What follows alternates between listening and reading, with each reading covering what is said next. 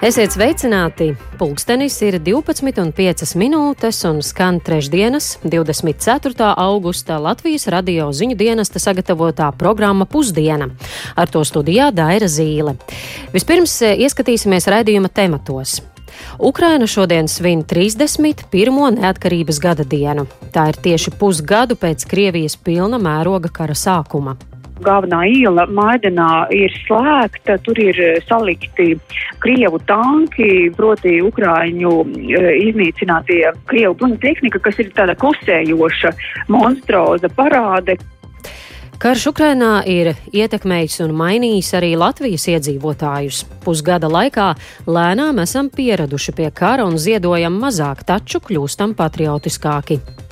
Tomēr iedzīvotāji vairs tik aktīvi neziedo, kā tas bija kara sākumā. Tie tiešām ir cilvēki, kas nedzīvo fantāziju pasaulē un kas saprot, ka tas nav tik vienkārši. Tas nav Ukraiņas karš, tas ir arī mūsu karš. Pusdienas ziņu programmā tiešraidē pabūsim arī Ukrainas neatkarības dienai veltītā zibakcijā Saules puķu ceļš, kā arī vēstīsim jaunāko uzvaras parka pieminekļa nojaukšanas lietā.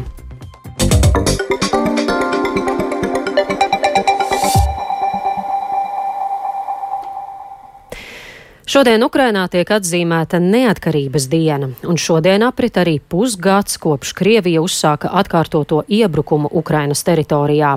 Baidoties no iespējamiem Krievijas triecieniem, Kīivas varas iestādes ir aicinājušas izvairīties no masu pasākumu apmeklēšanas. Gan visu šo pusgadu, gan arī šorīt eh, notikumiem Ukrainā ir sekojis mūsu kolēģis Uģis Lībietis, ar kuru šajā brīdī esam sazinājušies. Sveiks, Uģi! Sveiki, Dārija! Sveiki, klausītāji! Kā ir sākusies šī Ukrainas neatkarības diena? Nu jā, šī ir jau 182. Ukraiņas kara diena, un patiesībā tā neko īpaši neatšķiras no citām dienām. Kā katru rītu Krievijas spēki atkal ir apšaudījuši vairākas pilsētas, um, šoreiz atkal īpaši cietusi Harkiva, Zaporīžja, arī Ņepropetrovskas apgabals. Kārtējo reizi ir trāpīts civilajai infrastruktūrai, un šādi uzbrukumi, diemžēl, jau ir kļuvuši par ikdienu. Taču, kā savā uzrunā tautai norādījis Ukrainas prezidents Valdemirs Zelenskis par spīti tam, tam, ka Krievija cenšas iznīcināt Ukrainu un tās tautu, nevar būt nekāda cita scenārija kā vien brīva un neatkarīga Ukraina. Viņš arī visai tēlēni izteicies, ka Ukrainai visbīstamākais metāls ir nevis raķetes vai tanki, bet gan važas, un vienīgā reize, kad Ukraiņi pacels rokas gaisā, būs, lai svinētu uzvaru. Pagājušajā gadā Ukrainas neatkarības 30. gadskārtā Ukrainas vadībai bija ārkārtīgi svarīgi pierādīt pasaulē, ka tā par spīti Krievijas apgalvojumiem ir izdevusies valsts, un tā ir neatkarīga un suverēna. Šogad par to nevienam vairs šaubu īsti nav. Šogad var arī teikt, ka viens no galvenajiem sasniegumiem ir daudzu rietumu valstu solījums šajā cīņā pret agresoru būt kopā ar Ukrainu līdz galam. Un to apliecina gan daudzie rietumu valstu līderu apsveikumi, gan solījumi turpināt piešķirt jaunu militāro palīdzību Ukrainai. Un um, tas tikai, manuprāt, apliecina, ka starptautiskā sabiedrības domāšana ir mainījusies mainījusies, un arī izpratne par to, kādi tad ir Krievijas patiesie nodomi, arī ir radikāli izmainījušies. Un pilnīgi noteikti tas nav par labu Krievijai, kurai gan joprojām netrūkst simpatizētāji arī daudzās rietumvalstīs. Kā mēs īsumā varam raksturot šo pusgadu ilgo aktīvo karadarbību? Šis pusgads noteikti Ukrainai ir bijis ārkārtīgi smags, un par to šaubu nav nevienam. Daudz zaudētu cilvēku, milzīgi infrastruktūras postījumi, grūti aprēķināmi ekonomiskie zaudējumi. Taču, kā uzskata Ukrainas aizsardzības ministrs Aleksējs Rezņikovs, pats sliktākais scenārijs Ukrainai ir aiz muguras, un sākotnējais Krievijas mērķis uzvarēt vien dažu dienu ilga Zibenskara laikā nav piepildījies. Arvien vairāk tiek runāts, ka Krievijas spēku virzība uz priekšu buksē, lai arī Maskava apgalvo, ka viss notiek pēc plāna, lai izvairītos no civiliedzīvotāju upuriem, nu, kas acīm redzot nevisai labi izdodas. Tāpat tiek runāts, ka Ukraina ar vien aktīvāk gatavojas pretuzbrukumam. Tas gan nebūtu neliecina, ka ir gaidām drīza uzvara, jo, lai arī Ukraiņu spēki ir nedaudz labākās pozīcijās, straujāka virzīšanās uz priekšu un Krievu sagrābto teritoriju atbrīvošana, diemžēl, nav gaidāma. Taču vienu var apgalvot droši, Ukraiņas armija par tās profesionālitāti tagad jau apbrīno daudzi, un, lai arī tai joprojām tiek sniegta apjomīga palīdzība, daudz prognozē, ka visam drīz Ukraiņas armija būs viena no visspēcīgākajām Eiropā. Nu, bet daudzām rietumvalstīm, tostarp arī skaitliski lielākiem bruņotiem spēkiem, analizējot Ukraiņu pieredzi, nāksies pamatīgi domāt arī pašiem par savas militārās saimniecības sakārtošanu. Daira? Un tu minēji ja reiz sliktākais scenārijs Ukrainai tā kā būtu aiz muguras, tad vai un cik būtiski kara gaita varētu mainīties turpmākajos mēnešos, un vai rietumvalstu palīdzība neizsīks? Par to, ka daudzas valstis ir jau tā kā nogurušas no šīs palīdzības sniegšanas un no paša kara, to mēs varam diezgan droši teikt. Taču mm, arī redzot šīs dienas paziņojums gan no Amerikas Savienoto valstu puses, gan no citām valstīm, apņēmība palīdzēt Ukrainai līdz uzvarai nav mazinājusies. Paši Ukraiņi uzskata, ka kara gaitu varētu diezgan ātri pavērst par labu sev, ja, piemēram, nu, aptuveni 40, 50 Haimars sistēmas tiktu piegādātas, tas nozīmētu aptuveni uh, nu, 200 miljonu dolāru. Taču tie ir tikai Ukrāņu aprēķini. Un, um, nu, kā um, citi eksperti norāda, lai arī Krievijas armija varbūt nav tik efektīva un tiek izmantoti daudzi nu, gados novecojuši tehnikas vienības, uh, nu, tās tomēr prasa munīciju un lielus resursus. Uh, Krievijai pilnīgi noteikti ir skaitlisks pārsvars, un uh, tas visticamākais arī drīzumā nemazināsies. Taču, protams, cerēt uz to, ka taktiskā ziņā Ukraiņi uzvarēs, uz to mēs noteikti varam. Paldies! Sazinājos ar kolēģi Uģi Lībieti. Plašas svinības šodien Ukrainā gan nav paredzētas. Tā no galvaspilsētas Kijivas neatkarības dienā ziņo Latvijas televīzijas žurnāliste Ina Strasdiņa. Ļoti skaista diena, uzaususi, ļoti silta, skaista, pateicīga tam, lai būtu pilns ar cilvēkiem vēlāk un visi priecīgi atzīmētu Ukrainas neatkarības dienu, bet uh, tomēr valdības iestādes ir brīdinājuši cilvēkus šodien būt ļoti, ļoti, ļoti piesardzīgiem. Un tas, ko es šobrīd varu vērot, ir, ka galvenā iela Maidanā ir slēgta, tur ir salikti Krievu tanki, bruņu mašīnas, visāda tehnika, kas ir tāda simboliska parāde, proti Ukrāņu eh, iznīcinātie Krievu bruņu tehnika, kas ir tāda klusējoša, monstroza parāde, kuru cilvēki var iet apstīties, aptaustīt šos uh, ieročus un tā iztēloties, kāds ļaunums viņa zemē ir ievērsts, tajā pašā laikā arī tā pārliecināties, nu, ka mēs esam stiprāki par uh, Krievijas armiju. Un uh, tajā pašā laikā cilvēki tomēr šodien ir lūgti pēc iespējas nepulcēties, ir darba diena, nav brīvdiena, valsts iestādēm ir lūgts, uh, nu, strādāt attālināti, ļoti, ļoti, ļoti respektēt gaisa trauksmes. Un arī es lasīju vakar uh, Ukraiņu presē, ka tomēr daudz ir nolēmuši aizbraukt uh, no Kijavas uz kādu laiku sēku mm. dienās. Bet, nu, protams, tas, kas notiek austrumos un dienvidos, tā jau ir ikdiena. Nu, Ukrāņi tiešām ir fenomenāli ar to, ka viņi ir ļoti stipri cilvēki. Un, piemēram, šeit uzrunājot arī cilvēks, kas bija tankiem, tas skatījās tos sapostītos Krievu tankus, viņi saka, o, mēs esam tik lepni par savu armiju un mēs noteikti uzvarēsim. Godīgi sakot, šīs dienas, kopš es esmu Ukrānā kādu nedēļu, es neesmu dzirdējis nevienu nošlikušu dušu. Viņi saka, mēs tomēr nezaudējam dušu, mēs ejam uz priekšu, un to jūt arī tiešām no vienkāršiem cilvēkiem līdz pat uh, augstākā līmeņa amatpersonām, kas vispār nepieļauj domu, ka Ukraina neuzvarēs šajā karā. Tā bija Latvijas televīzijas žurnāliste Ina Strasdiņa. Aizvadītais pusgads kopš Krievijas pilna apjoma iebrukuma Ukrainā ir pilnībā pārmainījis pasauli, sevišķi Eiropu. Rietumi no sākotnējā apjukuma ir kļuvuši vienoti. Tā intervijā Latvijas radio atzina valsts prezidents Egils Levits. Viņš norādīja, ka Krievija vēlējās vājināt NATO, bet panākusi pretējo. Organizācijai pievienosies divas jaunas dalību valstis. Nav arī izdevies mazināt Eiropas Savienības vienprātību. Levits uzsvēra, ka Latvijas un pārējo rietumvalstu uzdevums ir visiem spēkiem palīdzēt Ukrainai, lai tā spētu pretoties, un gala rezultātam jābūt, ka Krievija atkāpjas no Ukrainas savā teritorijā. Valsts prezidents norādīja, ka karš Ukrainā ietekmējis un mainījis arī Latvijas iedzīvotājus. Viena lieta ir ekonomika, un mēs, tāpat kā visa Eiropa, un es teiktu arī visa pasaule, cieš no šī kara. Mēs neciešam vairāk kā citi. Un tā ir tā cena par to, ko mēs maksājam, lai Ukraiņi stātos pretīm Krievu agresijai. Tas atkal ir radījis mums Latvijā, es teiktu tā, augstāku jūtīgumu pret Krievijas klātbūtni Latvijā. Mēs tagad daudz sāpīgāk uztverām, piemēram, krievu pieminekļus, krievu armijas pieminekļus. Mēs esam kļuvuši patriotiskāki, mēs esam kļuvuši nacionālāki, protams, un mēs labāk apzināmies mūsu brīvības cenu, ka tā brīvība nemaz nav tik pašsaprotama. Un eh, ir atkal tie cilvēki, nu, galvenokārt krievi, kuri e, dzīvo teiksim, Krievijas informācijas telpā vai ir eh, teiksim, pārliecināti Krievijas pašreizējās politikas piekritēji un arī Krievu imperiālisma, vēsturiskā imperiālisma piekritēji, kas attiecās tieši uz mums uz Baltiju. Tādu nav daudz. Vakar, piemēram, pie pieminiekļa tur nu, nebija milzīgs, eh, milzīgi daudz cilvēku. 14 cilvēku policijas. Nu, jā, jā labi, nu, tas uh, mums ir viens. Bet ko darīt ar šo sabiedrības cilvēku. daļu? Es domāju, tā ir vienkārši jāizolē. Tā ir, kas sakot, viņi jāizolē. Mūsu uzdevums ir tikt ar to galā.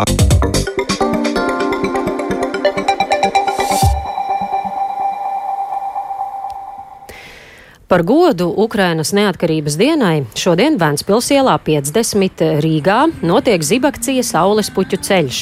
Biedrība Tavi draugi ikvienu aicina paust atbalstu Ukrainai, izvietojoties maršrutā no ziedojumu punkta Vēncpils ielā 50 līdz Ukrainas vēstniecībai.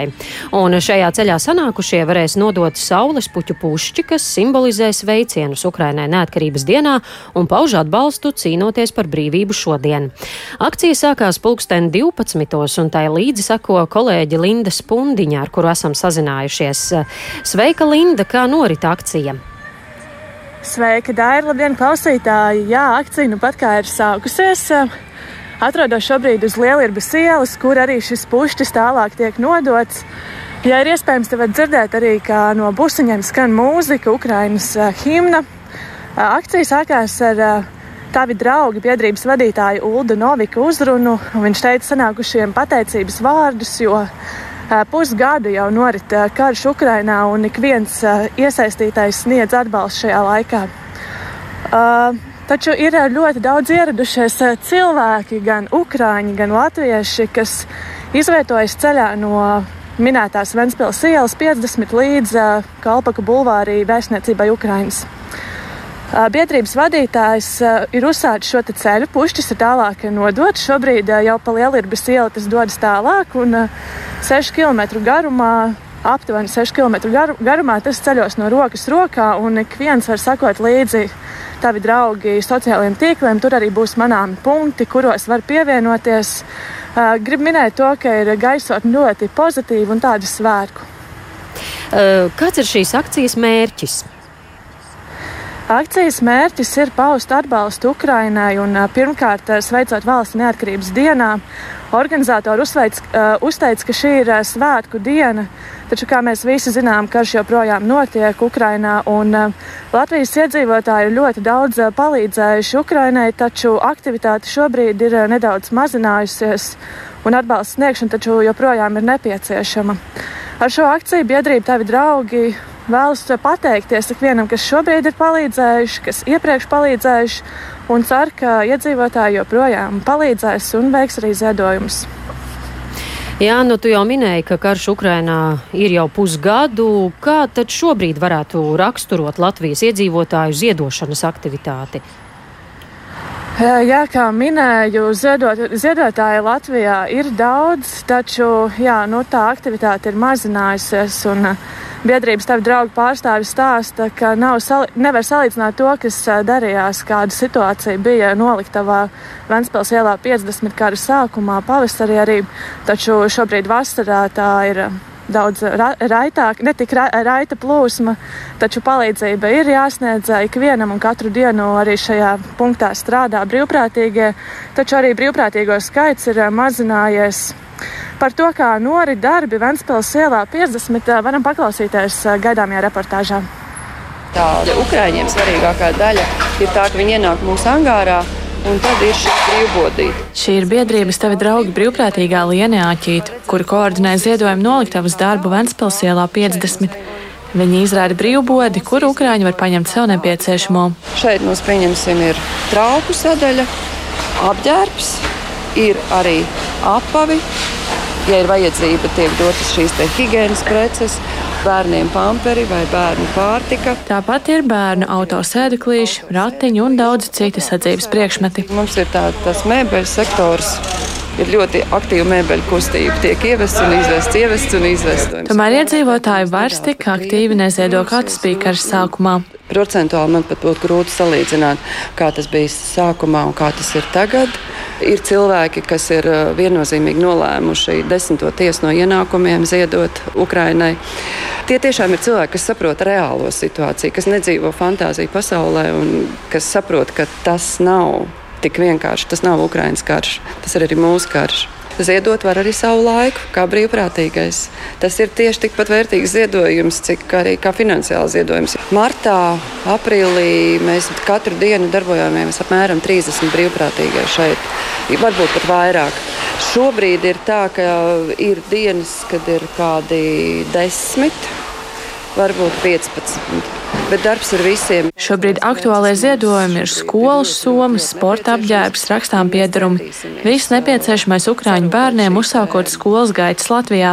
Jūs vairāk šobrīd orientējaties uz uh, Latvijā dzīvojošiem Ukrāņiem vai arī kaut kādas kravas tiek vestas uz Ukrāņu? Kravas tiek vestas uz Ukrāņu, kad ir šie konkrētie pieprasījumi. Piemēram, kā nu patās aizgāja pūre uz uh, Makārijas slimnīcu, jo bija pieprasījums palīdzēt šīs slimnīcas atjaunošanā, un līdz ar to aizgāja logi, durvis. Tad, kad ir šie pieprasījumi, tad mēs fūri teikt, komplektējam un sūtām projām. Arī šobrīd noliktavā stāv gultas slimnīcai, ko vest projām. Biedrības tavi draugi šie mazo busiņu braucieni šobrīd eh, nav, jo tāpēc, ka preces tiek vestas sadarbībā ar Twitter konvoju, kuri ved eh, šīs mašīnas uz Ukrajinu. Vai šobrīd ir kāds aktīvs pieprasījums? Šobrīd ir pieprasījums no eh, vienas Ukraiņas armijas daļas. Un tad mēs šobrīd komplektējam apģērbu, tieši tā būtu apakšveļa, sausā, ātri pagatavojamā pārtika, apavi, var teikt, kas viņiem ir armijai nepieciešams ikdienā. Arī ir piebraukusi viena smaga automašīna, kas tur ir. Šeit ir uh, lielais ziedojums no veikala Maksima. Viņi mums ziedo pārtiku, higiēnas preces. Var teikt, vērsim vaļā un skatīsimies. Lielie ziedojumi no uzņēmumiem bieži arī atnāk? Bieži vairs ne bet ir mums tādi regulārie ziedotāji. Linda Spundiņa, Latvijas radio. Bet šobrīd eh, notiek tiesa, kurā spriež par Rīgas domes aizliegumu Latvijas Krievu Savienībai rīkot protestu pret uzvaras parka pieminekļa nojaukšanu. Tiesas lēmums esot gaidāms vēlā pusdienā. Savukārt parkā šodien turpinās aktīvi demontāžas darbi un jau ir nogāzta sievietes tēla statuja. No kompleksa palicis vien obelisks, kas ir centrālais pieminekļa elements. Turpina Viktors Demīdovs. Par spīti aizliegumam pulcēties un plaši norobežotai teritorijai, arī vakar uzvaras parkā pulcējās vairāki desmiti cilvēku, no kuriem daudzi bija pret padomju pieminekļu nojaukšanu. Daļa iesaistījās konfliktos ar policiju. Salīdzinot ar pirmdienu, pārkāpēju skaits dubultojies, kopumā aizturot 14 personas, turklāt vēl 5 aizturētas naktī. Uz pieminekļa demontāžu ātri reaģējusi Krievijas galvenā izmeklēšanas pārvalde, kas ierosināja risinājusi kriminālu lietu. Izmeklēšanas komitejas vadītājs Aleksandrs Bastrikins esot uzdevis izmeklētājiem dot tiesisko vērtējumu visu to personu rīcībai, kas pieņēmušas lēmumu par pieminekļu nojaukšanu, lai varētu tās saukt pie atbildības.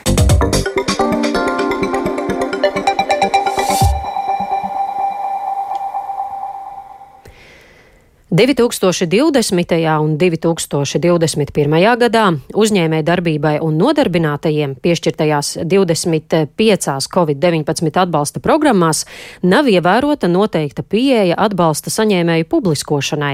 To novērojusi valsts kontrole, vienlaikus norādot, ka tas nav pārkāpums.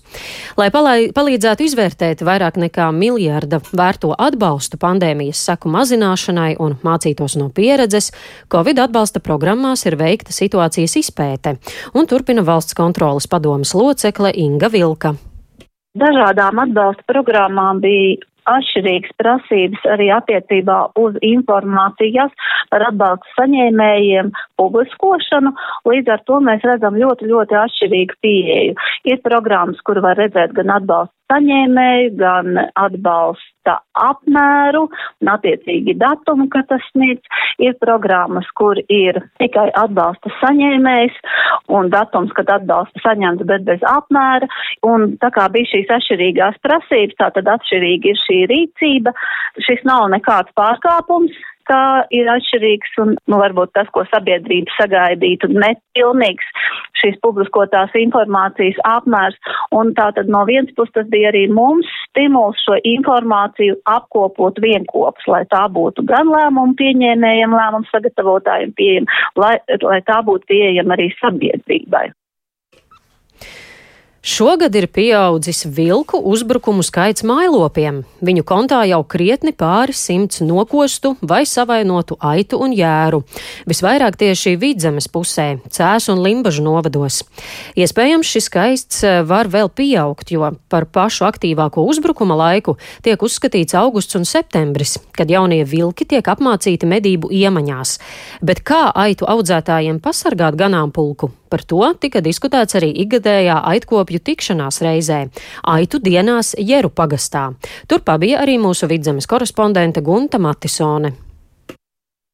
Nu, mēs sadzīvojam ar vilkiem, ar lūšiem. Lācis varbūt īsti nav tik tuvu neviens, nu ir tā kā attālāk nedaudz, bet, bet, nu, bet jā, pamatā ir lūši un vilki arī. Saimniecības Bendiku pienaitas saimniece Elizabete Bendika stāsta, ka Pirenei kalnu suņi dzīvo kopā ar ganāmpulku, un tas tad arī pasargā no nelūgtajiem meža viesiem, kas redzēti visai tuvu saimniecībai. Taču, kā stāsta Latvijas aitu audzētāju asociācijas valdes priekšādātājs Dmitrijs Botņikovs, tad šovasar vilku uzbrukumu vidzemē piedzīvoja saimniecība, kurā bija veikti visi nepieciešamie drošības pasākumi. Bija gan suņi, gan žogi, bet tomēr vilks ir ticis klāt pie dzīvniekiem uh, un uh, pie jēriem un noplosījis arī daļu jērus. Runājot par to, kā tad pasargāt savu ganāmpulku, pieredzējušais mednieks Jānis Ence, kur kontā ir arī nomedītie vilki, atzīst, ka vilks diemžēl ātri pielāgojas situācijai. Viena lieta ir kaut kāda elektriskie žogi. Es pieļauju, ka vilks tādam elektriskiem žogam pārlest, tad viņam 2-3 metru leciens tas nekas nav. Nu labi, var likt tos būkšanām uz gāzes ģeneratorijas kaut kā ķepot, kur atbaida arī meža cūks un, un briež no labības laukiem. Bet viņi tik ļoti ātri pie visa pierod. Valsts meža dienas dati liecina, ka vilku populācijas stāvoklis Latvijā ir stabils, taču kompensācijas par vilku postījumiem nav, jo vilks skaitās medījums dzīvnieks. Saimniecības Mikaitas saimniece Aija Šneidere, kuras ganāmpulks, lai arī bija nepieciešamie drošības pasākumi, šovasar ciet no vilku uzbrukuma, atzīst, ka ir jābūt tomēr arī zaudējumu kompensācijas mehānismam. Cik es saprotu, no Krievijas taču nāk viņi neierobežotā daudzumā, un ja šeit ir daudz traknu aitu un Krievijā nav, tad viņi nāk šeit visu laiku un kaut kādā brīdī savairosies par daudz, un atkal nākamajā gadā viņiem atkal būs mazāk ko ēst dabiskā vidē.